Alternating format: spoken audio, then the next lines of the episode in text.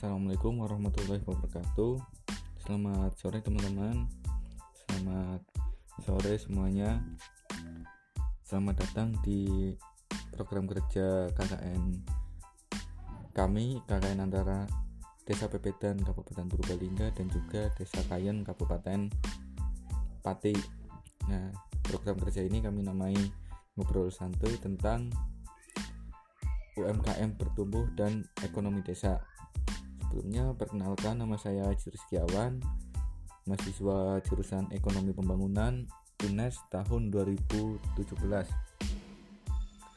Di sini saya akan sedikit mengulas mengenai ekonomi desa. Apa saja yang nanti akan kita bahas itu ada di slide kedua. Yang pertama tentang apa itu ekonomi desa. Selanjutnya ada instrumen pembangunan desa. Yang ketiga ada apa saja sih permasalahan dan potensi yang kemungkinan ada di desa.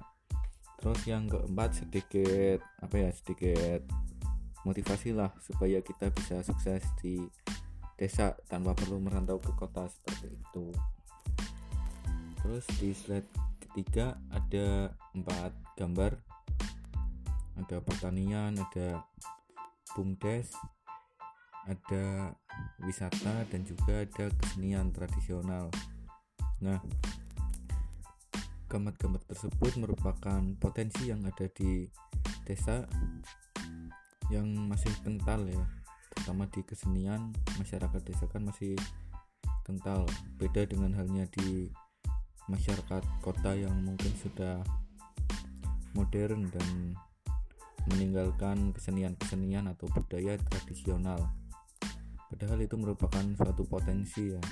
Lalu ada potensi di sektor pertanian di mana lahan di desa dibandingkan di kota itu masih jauh lebih banyak di desa dan juga kebanyakan tanahnya juga lebih subur.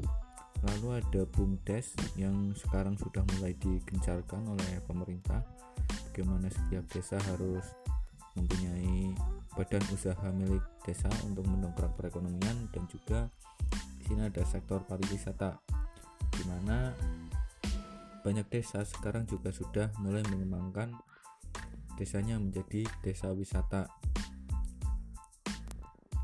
Nah, mulai pada pembahasan yang pertama di slide 4 yaitu mengenai apa itu ekonomi desa. Menurut Undang-Undang Nomor 6 tahun 2014 tentang desa menyebutkan bahwa ekonomi desa merupakan kegiatan ekonomi baik konsumsi, produksi, penanaman modal pada masyarakat pedesaan yang ditentukan oleh keluarga secara bersamaan. Gampangannya ya setiap apa ya setiap kegiatan ekonomi yang ada di desa lah. Mulai dari produksi entah itu produksi apa hasil pertanian, produksi pengolahan bahan pertanian, produksi pengolahan lainnya, lalu konsumsi konsumsi masyarakat desa, konsumsi pemerintah desa dan juga lain sebagainya. Lalu ada penanaman modal untuk masyarakat desa ya untuk usaha atau untuk hal yang lain. Bisa juga penanaman modal atau investasi untuk sektor pariwisata juga bisa. Ini ada selanjutnya ada instrumen pembangunan desa. Instrumen yang saya maksud di sini yaitu alat. Alat yang digunakan untuk percepatan pembangunan desa pembangunan ekonomi pembangunan manusia dan juga pembangunan lainnya. Sehingga diharapkan masyarakat desa nanti juga tidak kalah ya dengan masyarakat kota baik dari pendidikan terus apalagi ya ekonomi, kesejahteraan, dan hal-hal yang lainnya. Di sini saya ada menyebutkan dua dua instrumen untuk pembangunan desa. Yang pertama ada dana desa yang sejak pemerintahan masa Presiden Joko Widodo ini sudah digencarkan ya sebagai melalui APBN atau anggaran pendapatan dan belanja negara. Nah, yang kedua ada lembaga ekonomi desa mulai dari ada PES, terus pasar desa, lumbung desa, UMKM, kelompok dan kelompok-kelompok lainnya yang berpotensi untuk apa ya menjadi katrol sebagai percepatan pembangunan khususnya di ekonomi di masyarakat desa. Selanjutnya ada dana desa. Apa sih itu dana desa?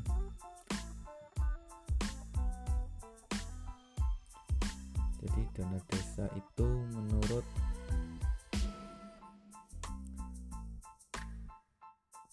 menurut per, menurut peraturan pemerintah Republik Indonesia nomor tahun 2014 tentang dana desa dana desa merupakan dana yang bersumber dari anggaran pendapatan dan belanja negara yang diperuntukkan bagi desa yang ditransfer melalui anggaran pendapatan dan belanja daerah atau APBD kabupaten atau kota dan digunakan untuk membiayai penyelenggaraan pemerintahan, pelaksanaan pembangunan, pembinaan masyarakat, dan pemberdayaan masyarakat. Dari definisi tersebut, mungkin bisa kita simpulkan ya bahwa dana desa itu digunakan untuk pembangunan sebagai kata kunci artinya baik pembangunan infrastruktur, pembangunan manusia, melalui pembinaan masyarakat dan juga pemberdayaan masyarakat. Di sini konsep dana desa menurut saya juga sudah sangat baik diterapkan oleh pemerintah. Hanya saja memang masih banyak kendala di lapangan. Kendalanya apa aja? Mulai dari pemerintah desa yang mungkin mohon maaf kurang kompeten dalam mengelola dana desa sehingga dana desa yang nilainya hampir miliaran setiap tahun itu paling mentok hanya digunakan untuk apa? Mengaspal jalan. Padahal kalau kita cermati di apa definisi dana desa itu kan juga digunakan untuk pembinaan masyarakat dan juga pemberdayaan masyarakat. Artinya di sini apa ya? Pemerintah desa masih terfokus pada sesuatu hal yang bisa dilihat secara fisik atau misal seperti yang tadi saya sebutkan pengaspalan jalan. Nah padahal kita tidak tahu dan atau pemerintahnya itu belum tahu apakah pengaspalan jalan tersebut nanti akan berefek besar pada perekonomian pada kesejahteraan masyarakat atau enggak. Di sini masih belum apa ya belum ada prioritas pembangunan di kebanyakan desa. Bahkan saya sempat mendengar percakapan teman-teman ketika saya sedang mencuci motor di situ juga ada apa orang lain yang sedang mencuci motor dan sedang bercerita. Saya tidak sengaja mendengar sepertinya memang dari apa aparatur desa bahwa sekitar tahun 2024 atau 20, 2025 itu pemerintah desa sudah bingung mau menggunakan dana desa itu buat apa. Soalnya semua jalan sudah diaspal terus infrastrukturnya juga sudah infrastruktur yang lain juga mungkin sudah dibangun ya yang bisa kelihatan secara fisik. Padahal pemberdayaan masyarakat itu harus berkelanjutan pembinaan masyarakat juga harus berkelanjutan. Terus juga kita lihatlah misal kayak akses internet di masyarakat desa itu kan masih minim ya. Kan bisa kita apa dana desa itu digunakan untuk pasang wifi sehingga nanti masyarakat desa bisa lebih produktif. Tapi dengan catatan penggunaan internetnya juga harus digunakan untuk hal-hal yang produktif bukan untuk main sosmed atau tiktok saja. Nah lalu selanjutnya ada konsep pembangunan desa. Di sini ada yang menarik teman-teman. Dari konsep pembangunan desa di era sekarang ini. Mungkin dulu kita tidak asing dengan apa kata-kata mutiara lah ibaratnya. Bali Deso membangun deso. Nah seperti itu ya. Seolah-olah desa itu hanya sebagai objek pembangunan. Nah, ini ada, adalah anggapan lama ya, anggapan lama bagaimana masyarakat yang harus membangun desa. Sekarang dengan adanya dana desa terus juga ada BUMDes dan lembaga-lembaga ekonomi desa lainnya itu desa bukan lagi hanya sebagai objek pembangunan melainkan sebagai subjek pembangunan bagaimana dana desa itu digunakan untuk pembangunan masyarakat tadi seperti yang sudah dijelaskan melalui pembinaan, pemberdayaan, melalui ibu-ibu PKK, Karang Taruna dan sebagainya. Artinya yang dibangun sebagai objek pembangunan itu masyarakatnya dibangun oleh desa. Sebaliknya juga ketika masyarakat sudah terbangun juga masyarakat tersebut pasti akan kembali membangun desa. Jadi desa di sini sudah berperan sebagai apa objek dan subjek pembangunan dan jika berkelanjutan sepertinya konsep ini akan sangat baik dan pembangunan desa harusnya akan menjadi lebih cepat dibandingkan tahun-tahun sebelumnya. Lalu di sini ada lembaga ekonomi desa. Yang pertama ada BUMDes. BUMDes itu badan usaha milik desa yang sekarang sepertinya sudah setiap desa sudah harus mempunyai bumdes ya sesuai dengan potensi desanya masing-masing dan ini yang salah satu apa salah satu masalah ya yang sering dijumpai ketika bumdes justru hanya sebagai badan usaha yang memang keuntungannya digunakan untuk desa tapi kadang sebagai pesaing usaha masyarakat. Nah ini yang sering kali disalah apa ya salah guna lah ibaratnya. Ketika dana desa atau bumdes harusnya digunakan untuk membangun masyarakat bersama-sama kan bisa juga untuk permodalan UMKM dan lain sebagainya. Tapi justru malah jadi pesaing UMKM yang ada di desa ya mungkin bumdes tersebut memang akan maju tapi kan usaha-usaha masyarakat akan bangkrut seperti itu Lalu selanjutnya ada pasar desa ya pasar kita tahulah tempat pertemunya penjual dan pembeli. Nah di sini kebanyakan pasar desa itu menjual produk-produk pertanian, menjual produk-produk pertanian ya. Lalu selanjutnya juga ada lumbung desa. Nah sering kali kita juga jumpa ya lumbung desa. Setiap panen masyarakat menyetor apa menyetor hasil pertanian ke lumbung desa yang nantinya akan digunakan ketika mungkin mengalami paceklik ya. Itu akan di apa dipinjamkan ke masyarakat yang sedang membutuhkan misal beras atau padi itu juga bisa dipinjamkan terus selanjutnya ada UMKM atau usaha mikro kecil menengah. Nah, di sini UMKM di desa masih menggunakan sistem tradisional, terutama dalam dalam hal apa pemasaran. Nah, ini merupakan salah satu permasalahan tersendiri ya karena memang akses internet di desa juga apa sekarang masih cukup sulit dibandingkan dengan di kota dan juga masyarakatnya yang masih belum apa menguasai teknologi sehingga akan kesulitan beradaptasi dengan apa pengusaha-pengusaha lain yang sudah go digitalisasi. Nah, ini juga bisa teman-teman menjadi peluang kita untuk sukses sukses di desa. Kita sebagai penyalur usaha-usaha masyarakat entah jualan di marketplace ataupun di sosial media yang kita punya karena sekarang juga sudah banyak apa pemuda-pemuda yang melakukan hal tersebut. Selanjutnya ada kelompok tani. Ya di sini mungkin semua desa punya ya kelompok taninya sendiri. Lalu selanjutnya ada kelompok sadar wisata atau biasa disingkat Darwis. Yang kelompok ini sangat penting ketika kita ingin mengembangkan desa wisata. selanjutnya ada permasalahan di desa di sini saya kategorikan ke tiga pokok permasalahan yang ada di desa mulai dari masyarakatnya pemerintah dan juga geografis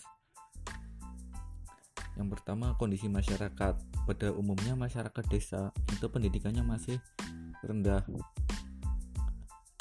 Sehingga kita apa ya masyarakat desa sulit untuk mengembangkan dirinya. Ketika merantau pun dengan ijazah yang pas-pasan juga akan susah bersaing dengan masyarakat kota yang mungkin pendidikannya sudah jauh lebih tinggi dari masyarakat desa. Lalu di sini adalah pola berpikir masyarakat ya yang masih tradisional, masyarakat yang belum menguasai teknologi sehingga apa ketika mulai berwirausaha ataupun hal yang lain itu masih menggunakan sistem tradisional. Tentu ini akan kalah dong sama orang-orang yang sudah menggunakan teknologi modern orang-orang yang sudah digitalisasi. Nah ini tugas kita teman-teman sebagai generasi penerus bagaimana menyadarkan masyarakat akan pentingnya teknologi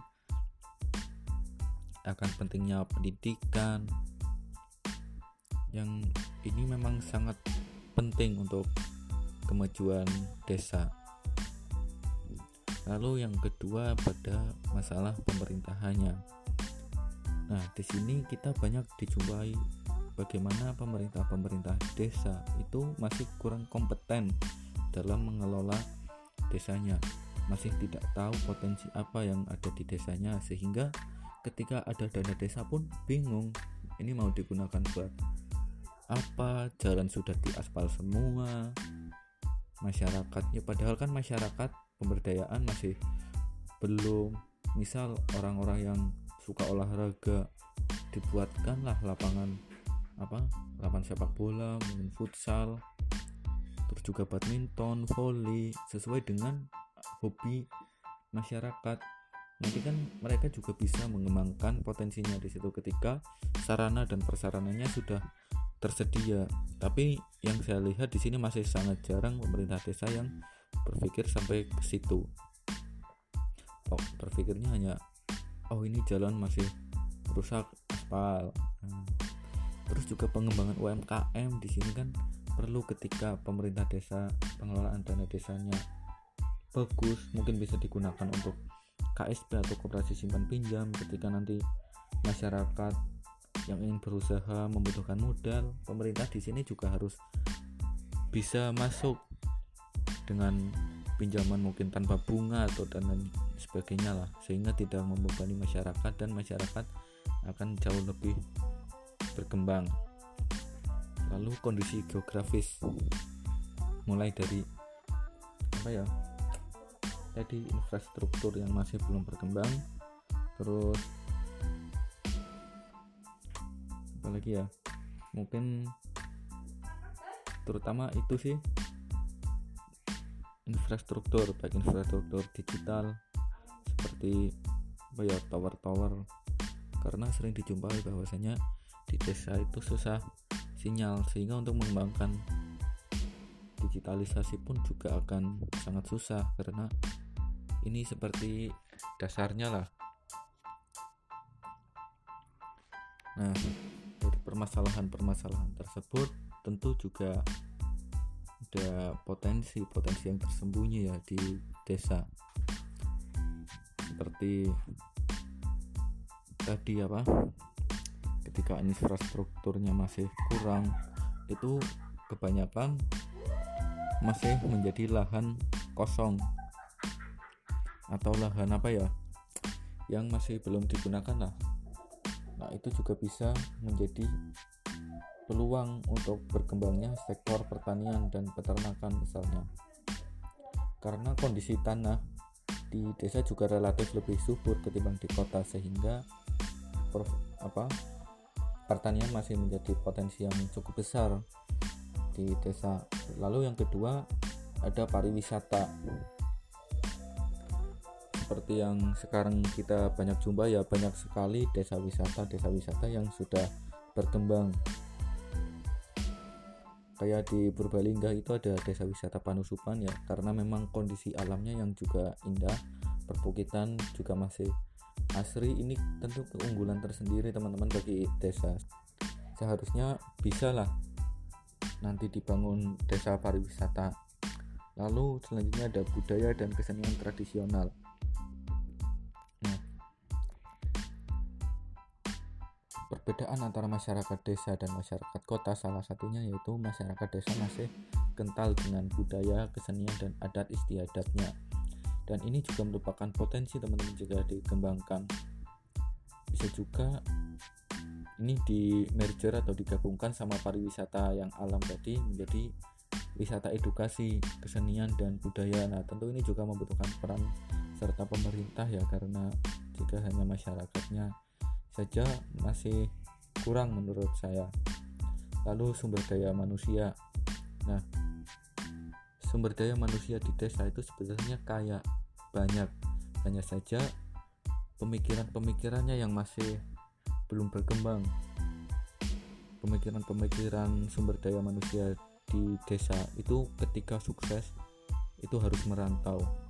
Itu baru dikatakan sukses. Nah ini yang sebenarnya salah. Sehingga apa ya kita itu berpikir terlalu jauh.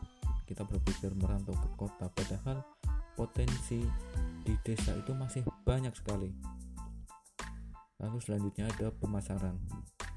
Nah di sini juga teman-teman bahwasanya tadi seperti yang saya jelaskan di awal pemasaran apa ya produk-produk UMKM di desa itu masih tradisional belum menggunakan teknologi digital. Nah di sini kita masuk bisa sebagai apa ya dropshipper atau reseller dari apa pengusaha tersebut dan kita jual secara digital ini juga bisa menjadi peluang usaha kita sendiri. Lalu di desa juga sering kali menjadi pasar untuk barang atau produk. Jadi padahal ketika bahan bakunya misal apa ya keripik kentang lah dari merek-merek yang terkenal itu kita kembali jadi pasar. Padahal produksi kentang itu kebanyakan di desa loh. Jadi ketika kita nanti bisa mengolah produk hasil pertanian terus kita jadikan kota sebagai pasar dan ini pasti akan sangat membantu petani-petani dan juga masyarakat di desa lainnya sehingga perekonomian bisa terangkat. Nah yang terakhir ada sukses di desa boleh juga.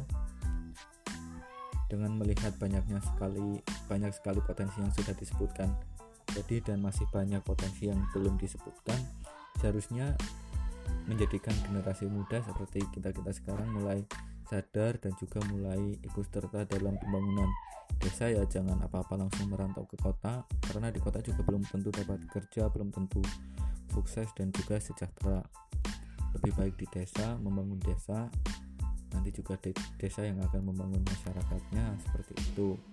Sehingga perekonomian di desa dan di kota nanti menjadi lebih seimbang dan kesejahteraan masyarakat terutama di desa menjadi lebih baik. Mungkin cukup sekian pemaparan dari saya. Kurang lebihnya saya mohon maaf. Bila taufik walidayah. Wassalamualaikum warahmatullahi wabarakatuh